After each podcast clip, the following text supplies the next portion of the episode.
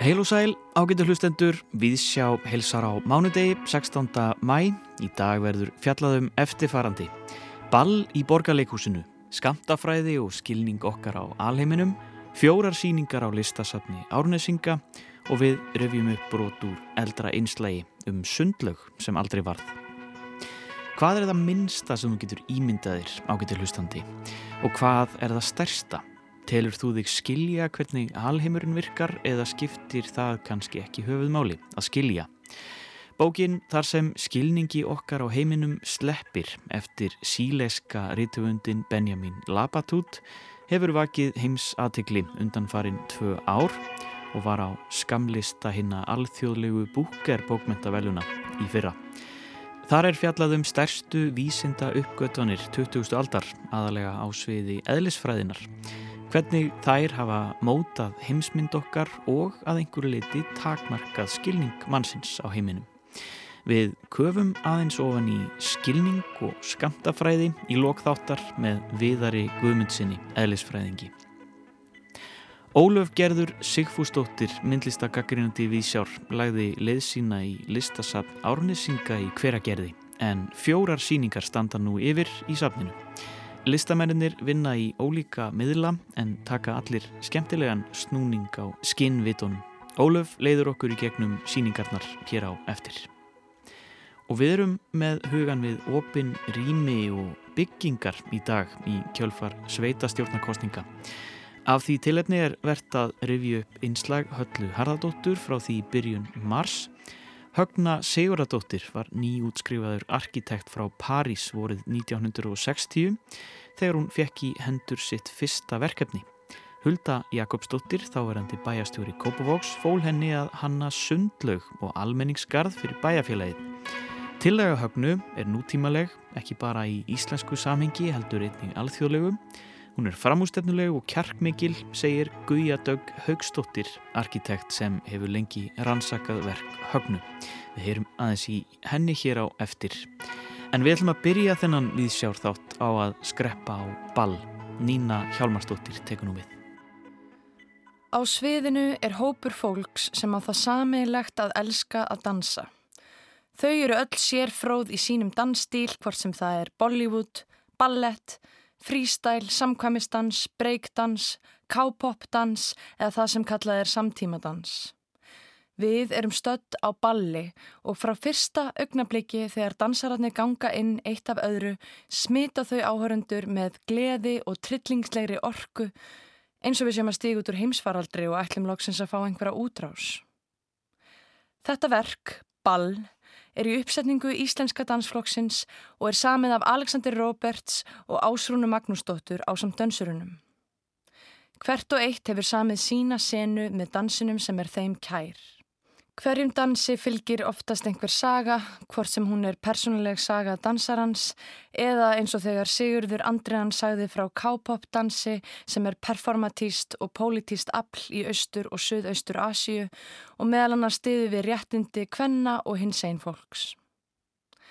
Ein mjög eftirminnileg sena var endurgerð ástísar yngvadóttur á góðsagna kendri kóreografíu frístælhópsins Dust í Tónabæ 1996 en áhörundur stóðu á öndinni yfir pottþjættum hörðum dansreifingunum, tónlistinni, reikvélinni, ljósunum og nostalgíunni.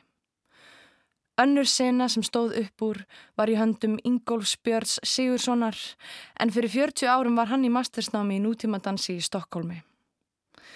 Ingólfur hefur mikla ástriðu fyrir reggitónlist og setti hann slagaran Jammin með Bob Marley á fónin og dansaði af svo mikilli innlöfun að ég klöknaði að sjá þennan mann gefa þessari menningu þetta vægi og þessa virðingu. Dansarar Íslenska dansflokksins voru líka með alls konar konfektmóla á bóðstólum og má þar nefna K-pop-dansin sem sprengdi skinnfærin en líka absúrt og spreng hlægilega endurgerð Felixar U. Alejandre á Rómu og Júliu eftir Ernu Ómarsdóttur og Höllu Ólafsdóttur. Það verk er nú þegar afbygging sem slítur kanónuverkið gjörsamlega í sundur og er því magnað hvernig Felix tókst að gera þessa afbyggingu af afbyggingu.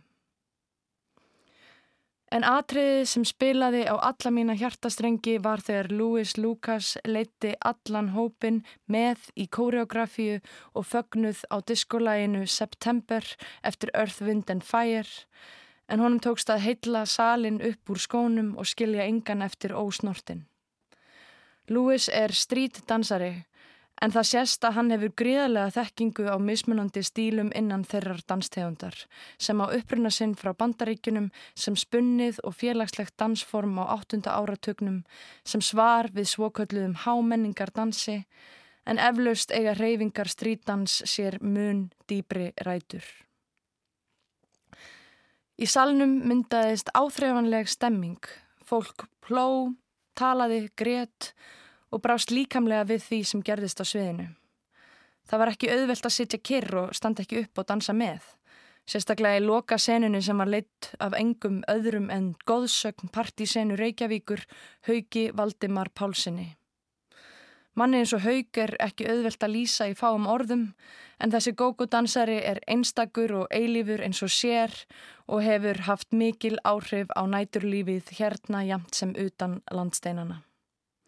Það var því stórkustlegt að láta hann leiða loka atriðið með læginu You should be dancing eða Þú ættir að vera að dansa en það er ymmið það sem áhörundur fenguloks að gera. En hvað gerist þegar disco, ballett, breakdans og samtímadans fá jafn mikið pláss á sviði? Verkið afmáir línutnar á milli þeirra sem eru atvinnudansarar í floknum og þeirra sem hafa týringa sér aðra dansstíla. Það afhjúpar þá menningarlegu struktúra sem ríkja í kringum dans og afhjúpar um leið hvernig stopnannir eins og Íslenski dansflokkurinn og aðrar dansstopnannir taka þátt í að upphefja ákveðin dans yfir annan.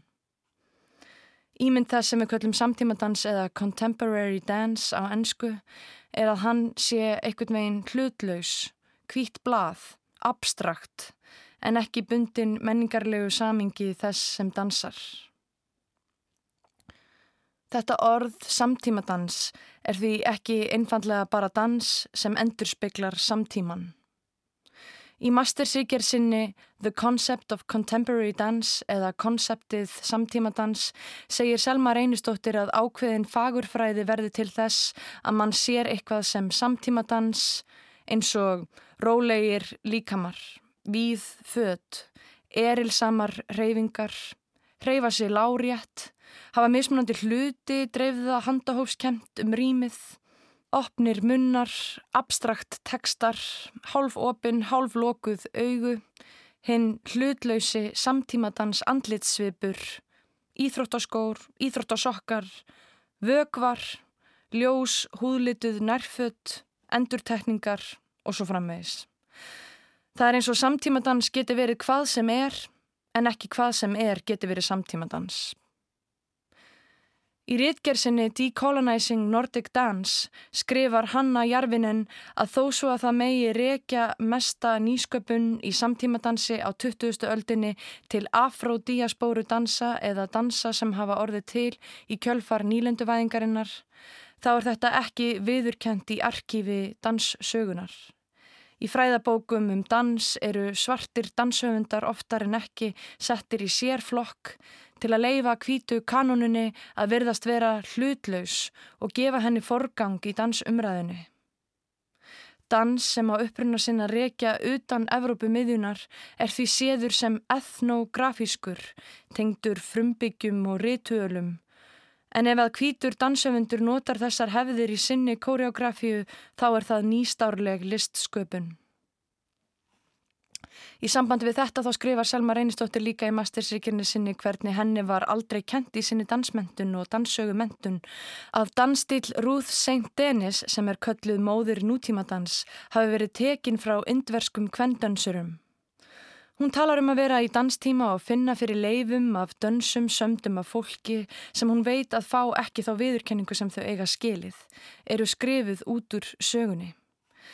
Selma tekur dæmi úr eigin dansmentun um hvernig stopnarnir eins og listaháskólar beita hliðvörslu sem ákvarðar hvað fær að vera samtímadans og hvað ekki. Til dæmis fær afródans ekki þann heiður þó svo að hans sé dans sem er mikið stundaður og þróaður í dag en hann fær ekki pláss í hugtækinu samtímadans. Staðrindin er svo að eina leiðin til að fá háskólamentun í dansi er að gangast við samtímadansi og þeim gildum sögu, fagurfræði og tækni sem tilheyra honum. Ef við gefum okkur að ung manniska sem hefur mikla hæfileika í öðrum dansstíl eins og hip-hop dansi langi til að fara í listaháskólan og læra dans. Hún hefur þá engar tengingar inn í þessa stopnun og er jafnvel ólíklegt að hún myndi átta sig á listaháskólanum sem möguleika fyrir sig. En jafnvel þó hún kæmist alla leiði í áhörnapröfur þá er það fyrsta sem hún þarf að gera áður en hún stýgur á dansdúkin það er að fara úr skónum, skónum sem hún hefur alltaf dansað í. Þetta var ágættis krókur sem mér er þó nöðsynlegur til að tala um verkið ball vegna þess að það sem ég var að lýsa núna, elitismin og forréttindin sem fylgja samtímadansi, þetta er einmitt það sem verkið vinnur á móti. Það er Evrópumiðjun og rasist að líta á samtímadan sem æðra listform af dansi en önnur að einblýna á svokallaða fegurð hlutleysisins.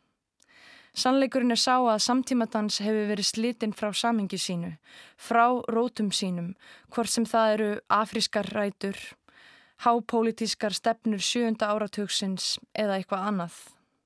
Samtímadans er ekki hlutlaus, Það er aðeins mjög árangursmikil ímyndar herferð sem hefur talið okkur trú um það.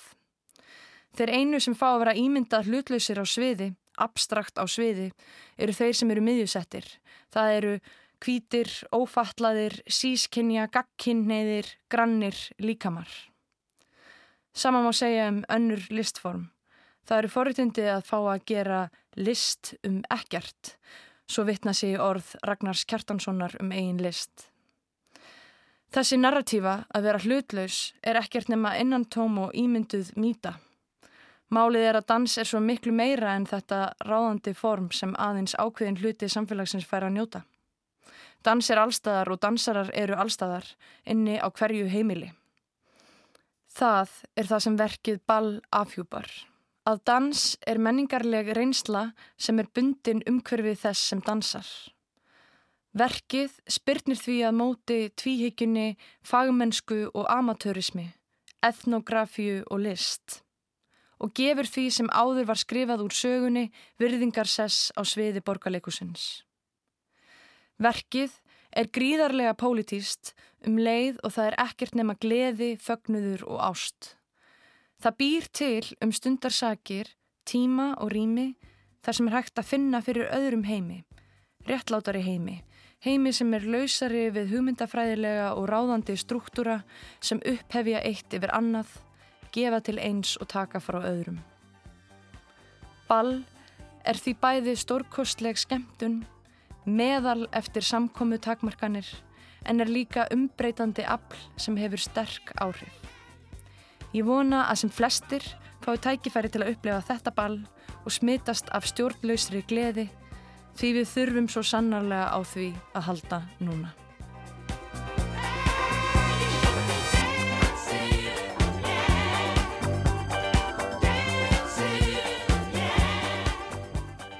Nína Hjálmarsdóttir fjallaði þarna um síninguna Ball sem nú er í borgarleikúsinu. En næst ætlum við að rifja upp brot úr viðtali úr þættinum frá því byrjun mars. Halla Harðardóttir fjallaðum sundlaug sem aldrei varð með Guðjudögg Haugstóttur.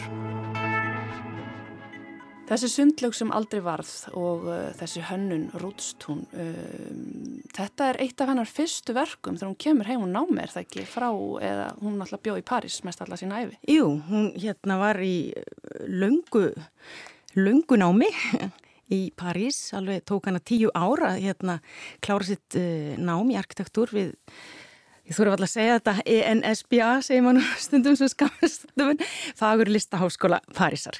Um, og uh, það var bara sá tími sem ég vilja tók að hérna, nema, þannig að hún var ekkit lengur en aðrir. En allavega hún útskrifast uh, 1960 og byrjar á þessu verki 61 fær hérna sem sagt Uh, fyrirspurn frá Huldu Jakobsdóttir, þáhverandi bæjarstjóra sem talandum fyrstu konur hitt og þetta er hérna held ég öruglega einn fyrsti kvenkins bæjarstjóri á landinu. Og mér finnst hún vera svo stór hluti af þessu verkefni af því að hún hafði svo mikinn metnað og svo mikinn hug fyrir bæjarfélagi sitt sem á þeim tíma er bara, ég maður horfir á loftljósmyndir frá þýska hérna, hernum, það er bara urð og grjót og ykkur kofar nánast.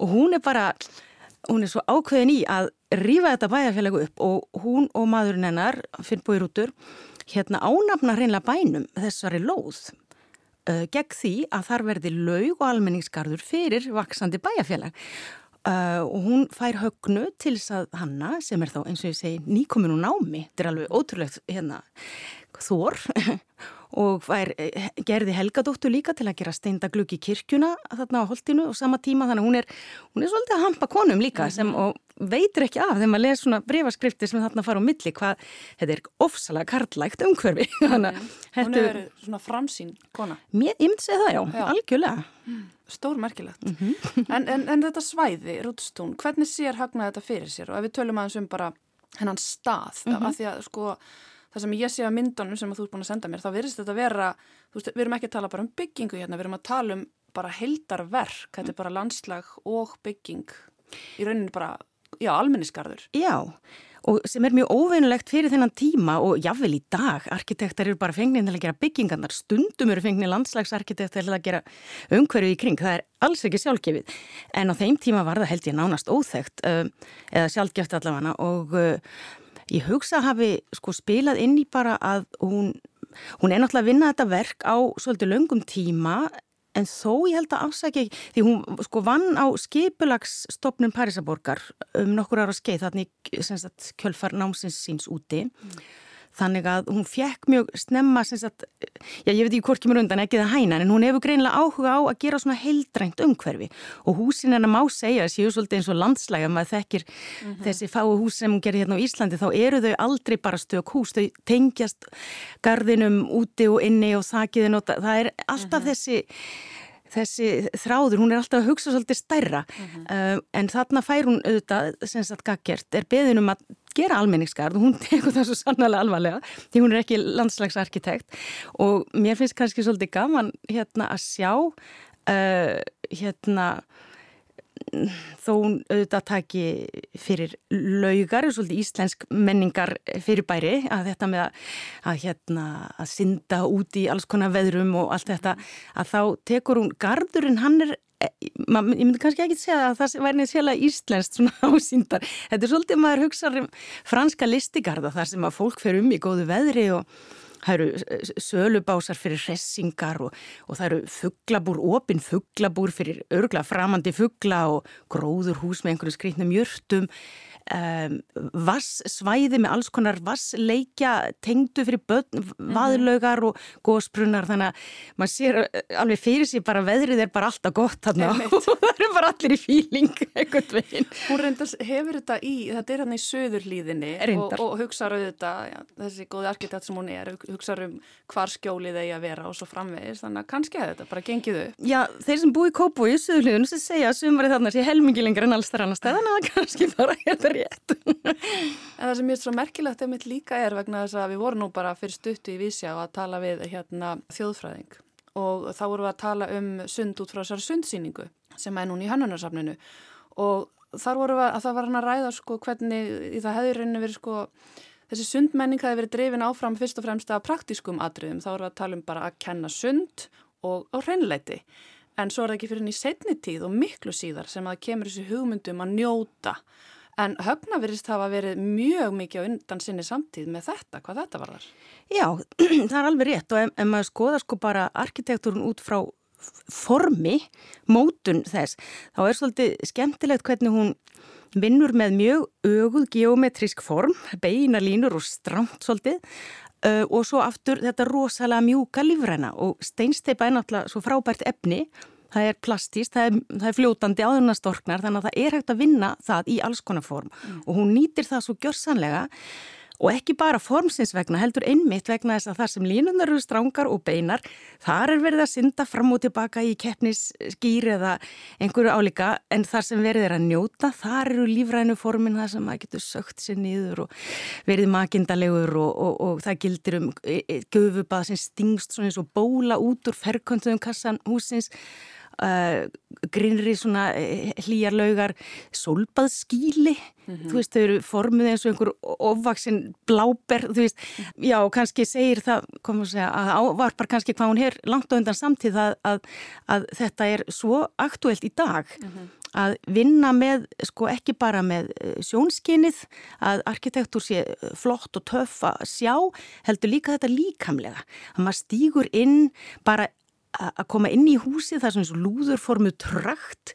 sem hún aði líka hugmyndir um að sagði við mig í viðtali eitthvað tíma hann ætti að vera svona ambient, eitthvað tónlist til að undirbúa mann undir böðin mm -hmm. og þannig að hún, sko, hún er að lifa sig inn í hvernig maður fer úr einu rými í annað og hér er maður í, í kappi eða sérst, að, einhver íþróttastöði og hér er maður í nautnast þannig að þetta er þessi fyllt alveg eftir mm -hmm. svona nánast uh, sviðsett hvernig fólk fer um bygginguna og já Einmitt, hún er alltaf með þetta andrumsloft í huga og áferð og þetta er eitthvað eins og segir sem að kannski var ekki hluti af þessu móternlíska arkitektur heldur á þessum tíma og mann hefur hugsað bara til svona arkitekta sem hefur fengið mikla aðtikli setni tíð eins og Peter Sungtor sem hefur gert svona baðstæði viða um Evrópu þar sem að Já, þetta er einmitt aðal áherslan svo magnað. Nákvæmlega. En ef við tölum um þess að bara byggingalistina og þessa Þess, þennan stíl hennar svona í samengi við það sem er að gerast einmitt í Evrópa þessum tíma. Mm -hmm. Hvernig er hennar hönnun í samengi við kolleganar úti? Já, já, hún er náttúrulega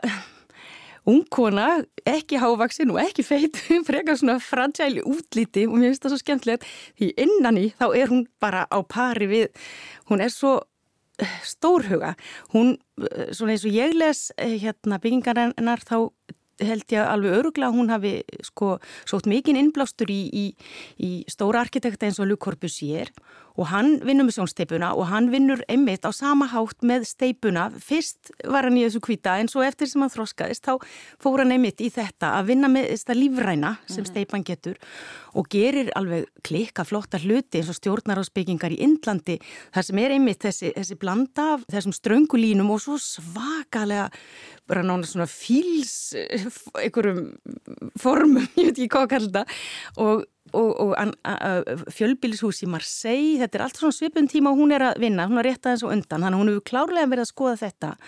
Um, og eins reyndar Norðurlöndin, Sverre Fenn sem að svolítið svipað og hún, hann byggði ekki margar byggingar á sinni æfi en þær sem eftirstanda eru þeimun mikilvægari og dýrmættari en hann kemur inn með þessa tengingu við landslæð sem að sér að hún er líka að taka inn, þannig að hún er að horfa virkilega til storra kanóna en gerir það að sínu mm -hmm. og vinnur það að þessum bletti í smábæi í einhverju pínulitlu landi sem engin veit hvað er uh, og mér finnst það svo flott að hún hún híkar ekki, hún bara já, en því mhm. miður svo híkaði bæjarstjórnin sem að eftir kom, þannig að það var hann að sagja Brotur, einslægur, eldri vísjárþætti Halla Harðardóttir rætti þarna við Guðjudögg Haugstóttur, arkitekt um laugina sem högna teiknaði en sem aldrei varð.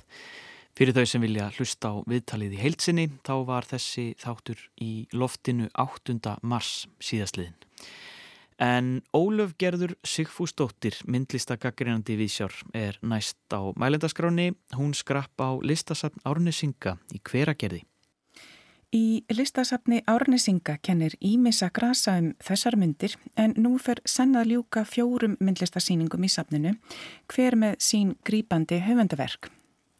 Í sal 1 sínir Ingun Fjóla Ingþórsdóttir stóra innsetningu sem hún kallar Þú ert kveikjan og í sal 3 sínir Magnús Helgason glættileg verk undir yfirskriftinni Rólón.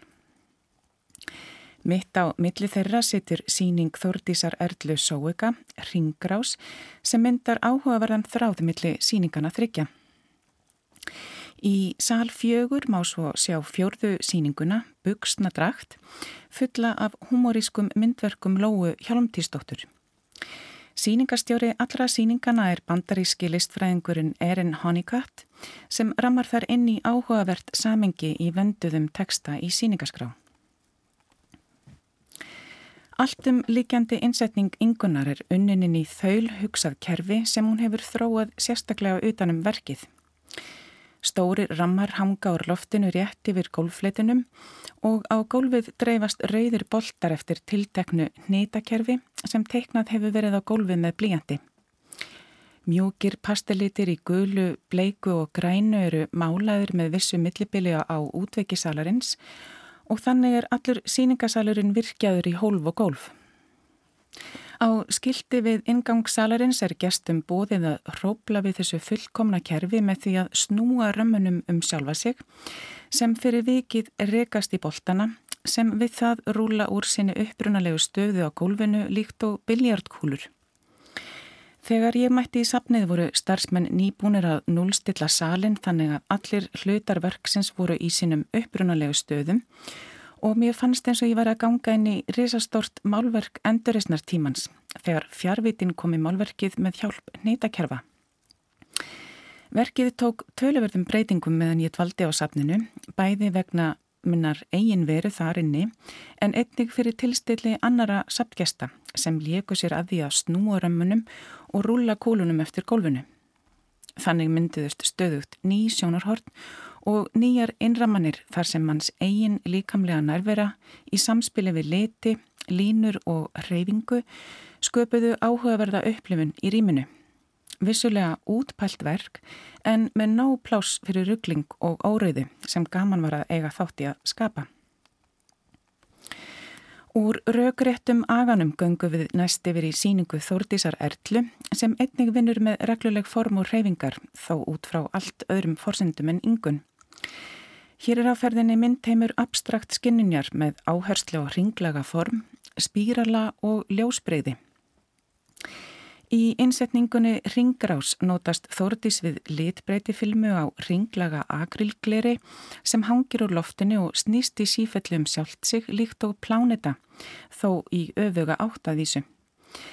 Þessari ringrás er varpað á gardinu og umleikjandi vekkir ímisins fyrir tilstilli kastara sem lýsir upp glerið og býr til dáleiðandi og eilitið kvikmyndalega upplöfun og maður sjálfur speglast í heimintúlunum ef maður stendur á réttum stað. Þannig verður manns eigin skinnjun og líkamleg vera í rýminu hluti af ringrásinni og þeirri sífældu umbreytingu ljós og litbreyða sem verkið skapar. En úr pælingum um heima og geima fyrir við yfir í verk Magnúsar sem vinnur einnig með ringsól og spírala en á óreðu kendari hátt en þar yngun og þordís. Hann setur allar leikareglur á flót þótt hann vinni að vísu líka innan útpældra heimasmíðaðra kerfa. Hér tekur leikleiðin og tilrunastar sem en veldin. Það er engu líkar en maður hafi gengið inn á miðja fimmleikaæfingu en háttendur rjári salarins hangir einhvers konar apparat sem snýr skærgulum plastborða í stóra ringi sem ná allar leiðinur á golf og mynda ljóðræna teikningu í endalusum spíral í rýminu. Verkið kallast á við hreyfingar annara fyrirbæra sem Magnús hefur komið fyrir í minnu eins og stálkúluna sem ímist snúast um sjálfar sig eða ringsóla endalust á löðréttum vegg. Eins konar sólkerfi sem kallast svo vel á við verk Þórtísar hínumegin við þylið. Lituð limbund á gólfi og á veggjum auka enn á tilfinninguna fyrir fimmleikasalnum en undarlegar og endarsleftar merkingar gera það að verkum að óljóst er hvar eitt verkið endar og hvar annað byrjar. Hér er verið að vega saltmilli veitspunalegrar og vísindalegrar hugsunar annarsvegar og blekkinga og kæruleysislegra leikatriða hinsvegar svo úrverður stór skemmtileg upplifun. Úr þessari veröld skræbóttra lita og skyndi fyndni göngum við svo yfir í síningu Lóu Hjálmtíðsdóttur sem er alþægt fyrir hnittin myndasöguverk og teikningar. Hér er húmórin allsráðandi og sjáum á kostulegar senur af fólki sem reynir að komast áfram í hversteginum en lendur í því að blessaði lífið flækist fyrir þeim. Verk Lóu byrja að keima af fortíðaþrá en myndverk hennar minna mörguleiti á dúkulísir og barneskuna. Hér sjáum við líka framakonur í rútinu daglegs lífs sem reyna aðeins og mikið að vera eins og þær haldaður eigi að vera en engin veit hvers vegna þær leggja það á sig. Gamansum og skemmtileg blanda af raunsægi, kaltæðni og samfélagsleiri gaggrinni hér á ferð. Listamenninni fjórir sem hér sína í listasafni Árnesinga eru ólíkir og vinna í mismunandi miðla en margir áhugaverðir þræðir liggja millið þeirra. Saman vekja þau forvitni, gleði, undrun og skilning sem synd væri að missa af. sagði Ólöf Gerður Sigfúsdóttir um fjórar síningar á listasafni Árnesinga en það fyrir hver að verða síðastur að skoða því loka síningadagurinn er næsta sunnudag 22. mæ. Og þetta var síðasta umfjöllun Ólafar og við þakkum henni kærlega fyrir sína innkomu hér í þáttinn. En úr myndlist yfir í nýlega bók um agnarsmá fyrirbæri og risastórar spurningar.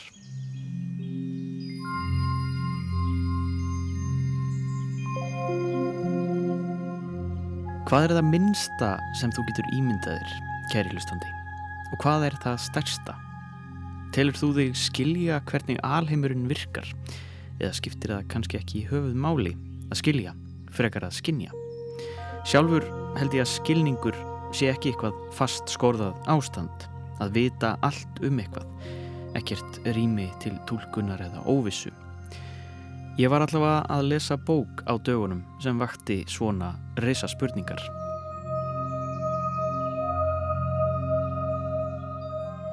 Vorið 2020 var heimsbyðin heldtekinn af agnar smáu fyrirbæri.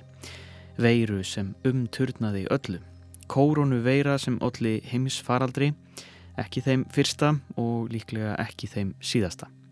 Slík fyrirbæri veirur og annað álíka smátt eða jafnvel enn smæra sem ekki sést með berum augum vekja upp afar flóknar spurningar fyrir okkar tegund jafn erfiðar og fyrirbæri í geimnum sem eru svo stór og fjarlæga að við náum ekki utanum það. Þegar skinnfærin okkar get ekki hjálpað okkur að skilja heiminn þurfum við að treysta á tæknina og stundum ímyndunaraflið. Og þar sem skilningi okkar á heiminum sleppir er einmitt tóm sem þarf að fylla upp í. Við erum lífverur sem viljum skilja. Ég nefndi hérna vorið 2020 sérstaklega því þá kom út þessi bók sem ég var að lesa. Hún fjallar ekki um koronavirur, bara alls ekki, en hún fjallar um smæstu fyrirbæri alheimsins og það þegar skilningurinn brestur. Bókin heitir í lausleiri þýðingu þar sem skilningi okkar á heiminum sleppir og er eftir síleska rittöfundin Benjamin Labatut. Bókin hefur vakið heimsatikli og var á skamlista hinna alþjóðlugu búker bókmyndaveluna árið 2021. Hún ber þennan stóra titil og er um stórar spurningar.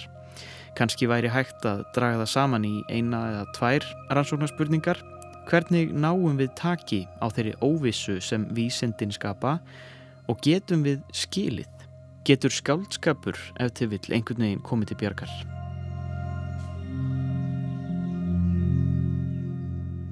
Benjamin Labatut er ættaður frá Síle og er búsettur þar en ólst upp í Hollandi. Hann er ekki vísindamadur en hefur mikinn áhuga á stórum og rugglingslegum hugmyndum ef svo mætti segja Í bókinni Þar sem skilningi okkar á heiminum sleppir fjallar hann um stærstu vísinda uppgötanir 20. aldar, hvorki meirann í minna. Aðalega eðlisfræðinar, hvernig þær hafa mótað heimsmynd okkar og takmarka skilning mannsins á heiminum. Uppgötanir sem eru svo stórar, já, eða smáar og svo abstrakt og ósýnilegar að heilin í okkur á einfallega erfitt með þær. Já, ég er að tala um skamtafræði, atómin og óreðuna. Bókin er blanda af skáldskap og staðrendum. Hún hefst á halgerðri essayu. Í kjölfarið eru tvær smásugur um starffræðilegar uppgötanir og svarthól og í lokbókarinnar er fjallað um tvær ólíkar kenningar um skamtaaflfræði og minnstu einingar alheimsins. Þar koma við sögu öll frægun öfnin úr sögubókum vísindana Alexander Grothendieck, Albert Einstein, Erwin Schrödinger, Niels Bohr og Werner Heisenberg. Svo einhverjir séu nefndir. Sagan segir frá þessum mönnum í lifanda lífi, persónulegu lífi þeirra og hvað leiti þá að sínum vísendilegu útreikningum og niðurstuðum. Og til þess að fara örlítið hratt yfir sögum og skilja þessi fyrirbæri örlítið betur settist ég niður með eðlisfræðingi. Ég er eh, Viðar Guðmundsson og ég er professor við Háskóla Íslands í eðlisfræði og ég vinn aðalega í þjættefnisfræði, líkanagerð af ymsum rafenda og ljóskerfum. Og ég nota auðvitað já, skamtafræði í öllum minnum rannsóknum eins og algjör meiri hluti eðlisfræðinga, efnafræðinga og ef ekki að segja efnisfræðinga líka yfir í verkfræði. Þetta, þetta hugtak skamtafræðin, þetta, er, þetta verður til svona, já, snemma á 20. öld og þarna eru sagt, sögur í þessari bók um já, mennina á bakvið þetta og, og, og svona, hann rekur um, já, söguna, en hvernig, hvernig svona, getur þú aðeins lísti tilur þessa, þessara vísinda? Sko, ef við förum bara mjög hratt yfir, þá byrjar þetta kannski 1900 uh, með Max Planck þegar hann setur fram hugmyndina einmitt sem var kannski á bakvið varmarýmd eða ljóskeislun frá efni og það er einn mikilvægur hlutu sem hann gerir, hann breytir á þessum tíma. Hann sér það að hann getur ekki fengið nærri tilraunum, eh, getur ekki líst tilraunum nema gera ráð fyrir því að orka til dæmis í rafsegulgeislun sé háð tíðinni, ekki styrk bylgjunar, heldur tíðinni bylgjunar og það er skömmu setna sem Einstein á líka við einmitt hvernig ljós e, vikslast e, eða kemur frá hluti sem er hitaður eða settur spenna á og Einstein sér líka þetta sama. E, það verður að gera ráð fyrir því og þetta var ekki augljóst á þessum tíma að orkan væri háð tíðinni bylgnana. Mm. Skömmu síðar þá kemur líka Dubrógli fram og væntalega er hann að skoða tilraunir á þessum tíma og sér að það er ekki bara tíðinin sem skiptir máli við orkuna heldur er eins og hlutir hafi líka bylgjulengt og þetta tvent þegar það er búið að stað festa þetta tvent þá er í raun og veru eftir á skýring, skulum við alveg leif okkur að segja, ekki hægt annað en að leiða út eina gerð af skamtafræði. Þannig að það eh, verður að vera bylting í klassísku eðlisfræðinni og menn fá skamtafræði í einhverju mynd til þess að lýsa öllum þessum kerfum mm. og uh, hún er erfið að vissu leiti á þann hátt sko að staðin fyrir að vera að fjalla um einhverja punkt, eindir, skriðþunga þeirra og staðsetningu að þá verðum við alltaf að fjalla um líkindadreifinguna fyrir því til dæmis að finna eitthvað hlut mm. meðaltöl af orgu og annarslíkt mm. og þetta er kannski stærsta breytingin. Skamtafræðin markar stór kaplaskil í eðlisfræði svo mikið er víst. En gerum við okkur grein fyrir því hversu stór þau eru, spyr Benjamin Labatút í bókinni þar sem skilningi okkar á heiminum sleppir. Stærstu kvörfin og leikillin að bókinni sem titillin vísar í eru hugmyndirnar um skamtafræði og óreiðu sem komnar eru aðalega frá þíska eðlisfræðingnum Werner Heisenberg og danska læriföður hans Niels Bohr sem gerðnan er kölluð kaupmannahafnar tólkunin. Meirum hana síðar en sem sagt kvörfin verða þar sem hinn klassíska eðlisfræði færist yfir í óvissuna þegar vísindaleg þekking er ekki lengur eins og golfflísar lagðar í snirtilega og óhaganlega röð heldur segfljótandi deg sem fáir ná almenlega til bots í. Það eru til svo stórar hugmyndir um virkni og eðli alheimsins að þær eru eins og geyslavirkar, segir Labatút. Þær geta breyttir, þær eru svo abstrakt, svo óáþreifanlegar að þær bræða bara í þér heilan. Við verðum vonandi einhverju nær um það hvort þetta sé satt í lók þessarar umfjöllunar en ég get engu lofað. Ég spurði viðar hvort hann taki undir það eins og Labatút segir að skáldskapur hjálpi til við að skilja. Sko það kemur auðvitað alltaf að þessari erfiðu spurningu hvað er að skilja? Og ég held að við verum að viðkenna við höfum okkar takmarkaða skilning sem á hverjum tíma er takmarkaður. Kannski með tímanum breytistan verður dýpri, viðtækari en það er hægt að varpa fram mjög einföldun spurningum sem í raun og veru eðlisfræðin getur ekki svarað. Alveg eins og hvað er rafend, hvað er rótend, hvað er massi. Mm. Já, Já það verður ekki mikið um svör við þessum Nei, spurningum. Þannig að ég held að þetta bara minnir okkur á að við byrjum alltaf á einhverjum stað að útskýra. Við erum ekki að byrja algjörlega frá einhverjum grunni mm -hmm. sem við þekkjum ekki. Það er alltaf óvisa og fyrir hlustendur sem vilja hafa allt á hreinu, klift og skorið, þá er þetta kannski erfitt. En til þess að gera þessar hugmyndir aðgengilegri og gera lesendum í hugalund hversu stórar pælingar þetta eru, blandar Labatút saman aðferðum skáldskaparins og beinum staðrendum. Hann skáldar aðstæður og senur til þess að reyna að lýsa þessu mikla rofi í vísindasögunni, hversu tjúlaðar hugmyndirnar eru. Til dæmis er heilmikil skáldskapur í kaplanum þar sem stóru kvörfin verða um það þegar Heisenberg uppgötur óreiðukenninguna á síðari hluta þriðja áratug og Lapatút býr til aðstæður þegar hugmyndin kemur til hans. Heisenberg bjó um þetta leiti í Kaupmannahöfn og lærði undir handleðslu Níls Bohr. Heisenberg í lifanda lífi var bindindismadur og alls engin félagsvera en í bókinni fer hann kvöld eitt á bar og þykkur drikk af dularfullum manni á bótegu bæjarins. Hann hafi síðan ráfað út í myrkrið, gengið í gegnum stóran almennískarð og hort á ljós sem brotnar í trjánum og hvernig það trítlar um jörðina. Þá hafi hann séð verur allt í kringum sig, þaktar ösku reynda að tegja sig eftir hönd á barni og síðan hafi orðið sprenging og allar verurnar horfið. Þetta hafi verið einhvers konar upphaf að hugmyndum hans um óreðuna, að ekki væri bæði hægt að mæla hraða og stærð rafenda í atomi og að verurnar sem sprungu hafi verið fólkið sem dó í kjarnorku sprengingunum í Hiroshima og Nagasaki, sprengjan fræga sem fundin var upp að hluta þökk sé þessum hugmyndum. Það eru yngar sagfræðilegar heimildir á bakvið þessar ofskinjanir Heisenbergs og auðvitað engin leið að vita við hvaða aðstæður hann komst að sinni niðurstöðu. En þetta er ágætt dæmi um það á hvaða hátt Benjamin Labatút höfundur bókarinnar nýti sér skáldskap til þess að greina frá þessum tímamóta spórum í sögu vísendana.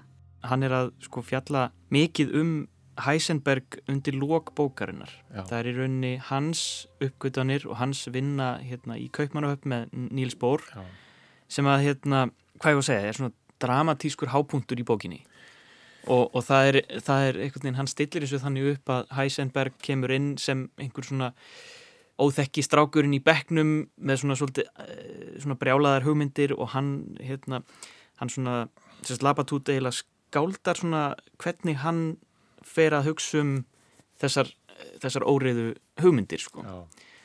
og þar finnur hann eitthvað, eitthvað, eitthvað rosalegt róf og segir bara við þarna sleppir skilningi okkar e, Já. E, sem titillin vísar í sko. Þetta er auðvitað svo mynd sem við lærum kannski af sögunni. Ég er ekki alveg viss um hversu, hversu sann hún er en það er auðvitað rétt að bæði Heisenberg og Bohr voru óhrættir að fara örliti út fyrir eðlisfræðina yfir í svona, ef ekki segja heimsbyggi og uh, Heisenberg skrifar bækur einmitt um svona alltaf heimsbyggina uh, uh, tengda þessu. Og þeir koma þess vegna þessari svona tólkun á skamtafræðinni sem hefur kend við Kaupmannahöfn koma henni aldrei áfram. Og það má segja þetta er að þetta ennþá í dag svo tólkun sem hefur kannski reynst best. Vegna þess að við getum ekki notað þessa síkildu klassísku hugmyndir um sko hvernig eindirnar eru. Við verðum að sætt okkur við náttúran er að segja okkur eitthvað annað vegna tilrönnana og þá verðum við að læra að vinna með þessi hugtök um líkindadreifinguna, um óvistuna en samt að árstákalagumálið sé í fínasta lægi, það er hverki brotið. Mm -hmm en á móti kemur auðvita að mæling á einhverju kerfi breytir einhverju í kerfinu. Við höfum að hafa áhrif á kerfi þegar við mælum það. Þessi breyting frá klassískri eðlisfræði yfir í skamtafræði fór ekki vel í Albert nokkurn Einstein sem var og er einhvert frægasta gáumenni allra tíma. Heita rögræður kviknuðu millir hans og Niels Bohr og Heisenbergs. Einstein á að hafa sagt Guð fer ekki í teningaleik við alheimin. Ég er ekkert hissa. Ég held að sko, þetta er líka spurningin um hvernig lærum við hluti. Ég held að við lærum næstum því engan hlut bara með að gera hann einu sinni. Eh, ég held að við lærum með endutekningunni og að hugsa aftur og aftur og í hver skipti sem ég kem aftur að skamtafræðinu og það er svona um það byrð daglega, já þá finnst mér ég vera að læra betur og betur um hana. Og þetta með Einstein, það minnum eitt aldrei á leiðbeinanda minni í doktorsnámi í Kanada sem var Japani Yasushi Takahashi. Og hann var að kenna okkur mjög erfiðan hlut í Beck í fjölendafræði í skamtafræði og þetta er kallað endur stöðlun og hann segir svona, hafa gaman um þetta kallin leiði sér að uh, einbeita sér ekki bara í öfnunum upp á töflu, heldur líka að tala um þetta. Og hann segir þið ungu mennir þið sjáuð engin vandraði hér. Þið notið þetta bara. En fyrir okkur var þetta meiri háttar vandamál sem við vorum ekkert sátti við og margir gáttu aldrei sætt sig við. Þannig að ég held að þetta hafi komið upp á hvaða tíma í raun og veru sem nýjir hlutir voru að verða í, e, í eðlisfræði og alveg sama má segja um Boltzmann e, rétt fyrir 1900 e, minni mig ef ég mann tíman rétt sem kom með sapnaðilisfræðina eða lýsa stórum sapna af einhverjum hlutum og það þótti mjög byltingakendi hugmynd og það voru margi sem voru eh, greinilega á þeim tíma mjög ósáttur við hans aðferðir. Þannig að ég held að þetta er bara spurning um sko hversu létt er okkur að taka breytingum yfirleitt í lífinu. Já, mörgum alls ekki. Ég held að uh, það þarf að lifa með og vennjast. Byltingar eru erfiðar. Já, byltingar eru erfiðar, segir Viðar Gumundsson. En það er stingareglulega upp kollinum og við verðum að átt okkur á því að það sem er kallað klassísk eðlisfræði er bara ein tólkun frá einum tíma og kent við einn mann. Svo verðum við líka náttúrulega átt okkur á að, að myndin sem við höfum af síkildu eðlisfræðinni gegnum Newton er alls ekkert eina lýsingin sem var til. Það er líka til mjög merkileg lýsing frá Lagrange og Hamilton og öðrum þar sem þeir tala um það kalla nýgareikningur eða calculus of variation og við getum uh, bara skýrt það með það spurningin um hvað verður lámarkaði í einhverju kerfi og þeir átta sig á að til þess að skilja hvernig eitthvað reyfist að þá þurfa að lámarka munin á reyfiorkunni og stöðuorkunni. Mm. Þetta er ekkert augljóst. Þetta er líka hugmynd sem kemur inn í klassiska eðlisfræði, svona daldið eins og högg, eins og bylting. Svo það sé tekið fram, þá er hægt að finna ótal hugmyndir um óreiðu og óvissu í hinnum ímsu hugmyndakerfum, heimsbyggi og trúarbröðum í gegnum görfalla mannkinn söguna. Þetta er í raunin ekkert nýtt. Eins og áður segir er bókin þar sem skilningi okkar á heiminum sleppir blanda af skáldskap og staðrendum og endur speklar þannig umfjöllunar efni sitt, þessi fyrirbæri, atóm, bylgjur og rafindir. Lesandin veit aldrei hvar hann hefur tekstan og ef til vill er það ætlun höfundar að tryggja að það sé engin beitn fasti, ekkert haldreipi, bara óreða. Maður spyr sig spurninga, rétt eins og vísendamenninir, en óvissan og jáfnvel óskiljanleikin ætti ekki að valda óta, heldur einmitt vera hluti af þekkingunni það vakna alltaf spurningar eh, hvernig getum við skili, hvernig getum við skili betur? En við verðum kannski í þessari sko vegferð að átt okkur líka það, á að það eru vissi hlutir sem kannski eru á vissan hátt og við getum engu breytt þar. Og það er þess vegna spurningin aftur sko hvað köllum við skilning getum við þá skili betur hvernig þetta síðan í samhengi við aðra hluti verkar og það myndi ég kalla líka mjög mikilvægt. Það er ekki bara spurningin alltaf að bóra sér niður á það minnsta og einfaldasta. Skilningurinn á því fæst líka að fjalla um kannski stórt sapnaði, e, samendum, atómum, já, ég vil ekki fara yfir í lífverður, það eru margar starðagráður á milli, Já. en í rauninni skilja það betur, kannski það að segja okkur líka um þessa grunn, uh, grunn einingu. Mm.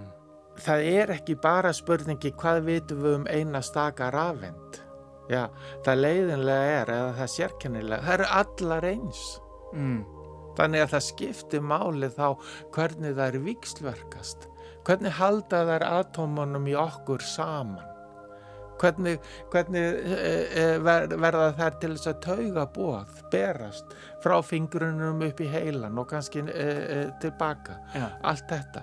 Þetta er hluti af því að skilja líka, held ég. Já, já. Það er ekki bara einingarnar, Nei. það er líka sagt eh, safnið af hvernig Mm. það getur verkar þar liggur skilningurinn ekki bara í einstaklingnum líka í heldinni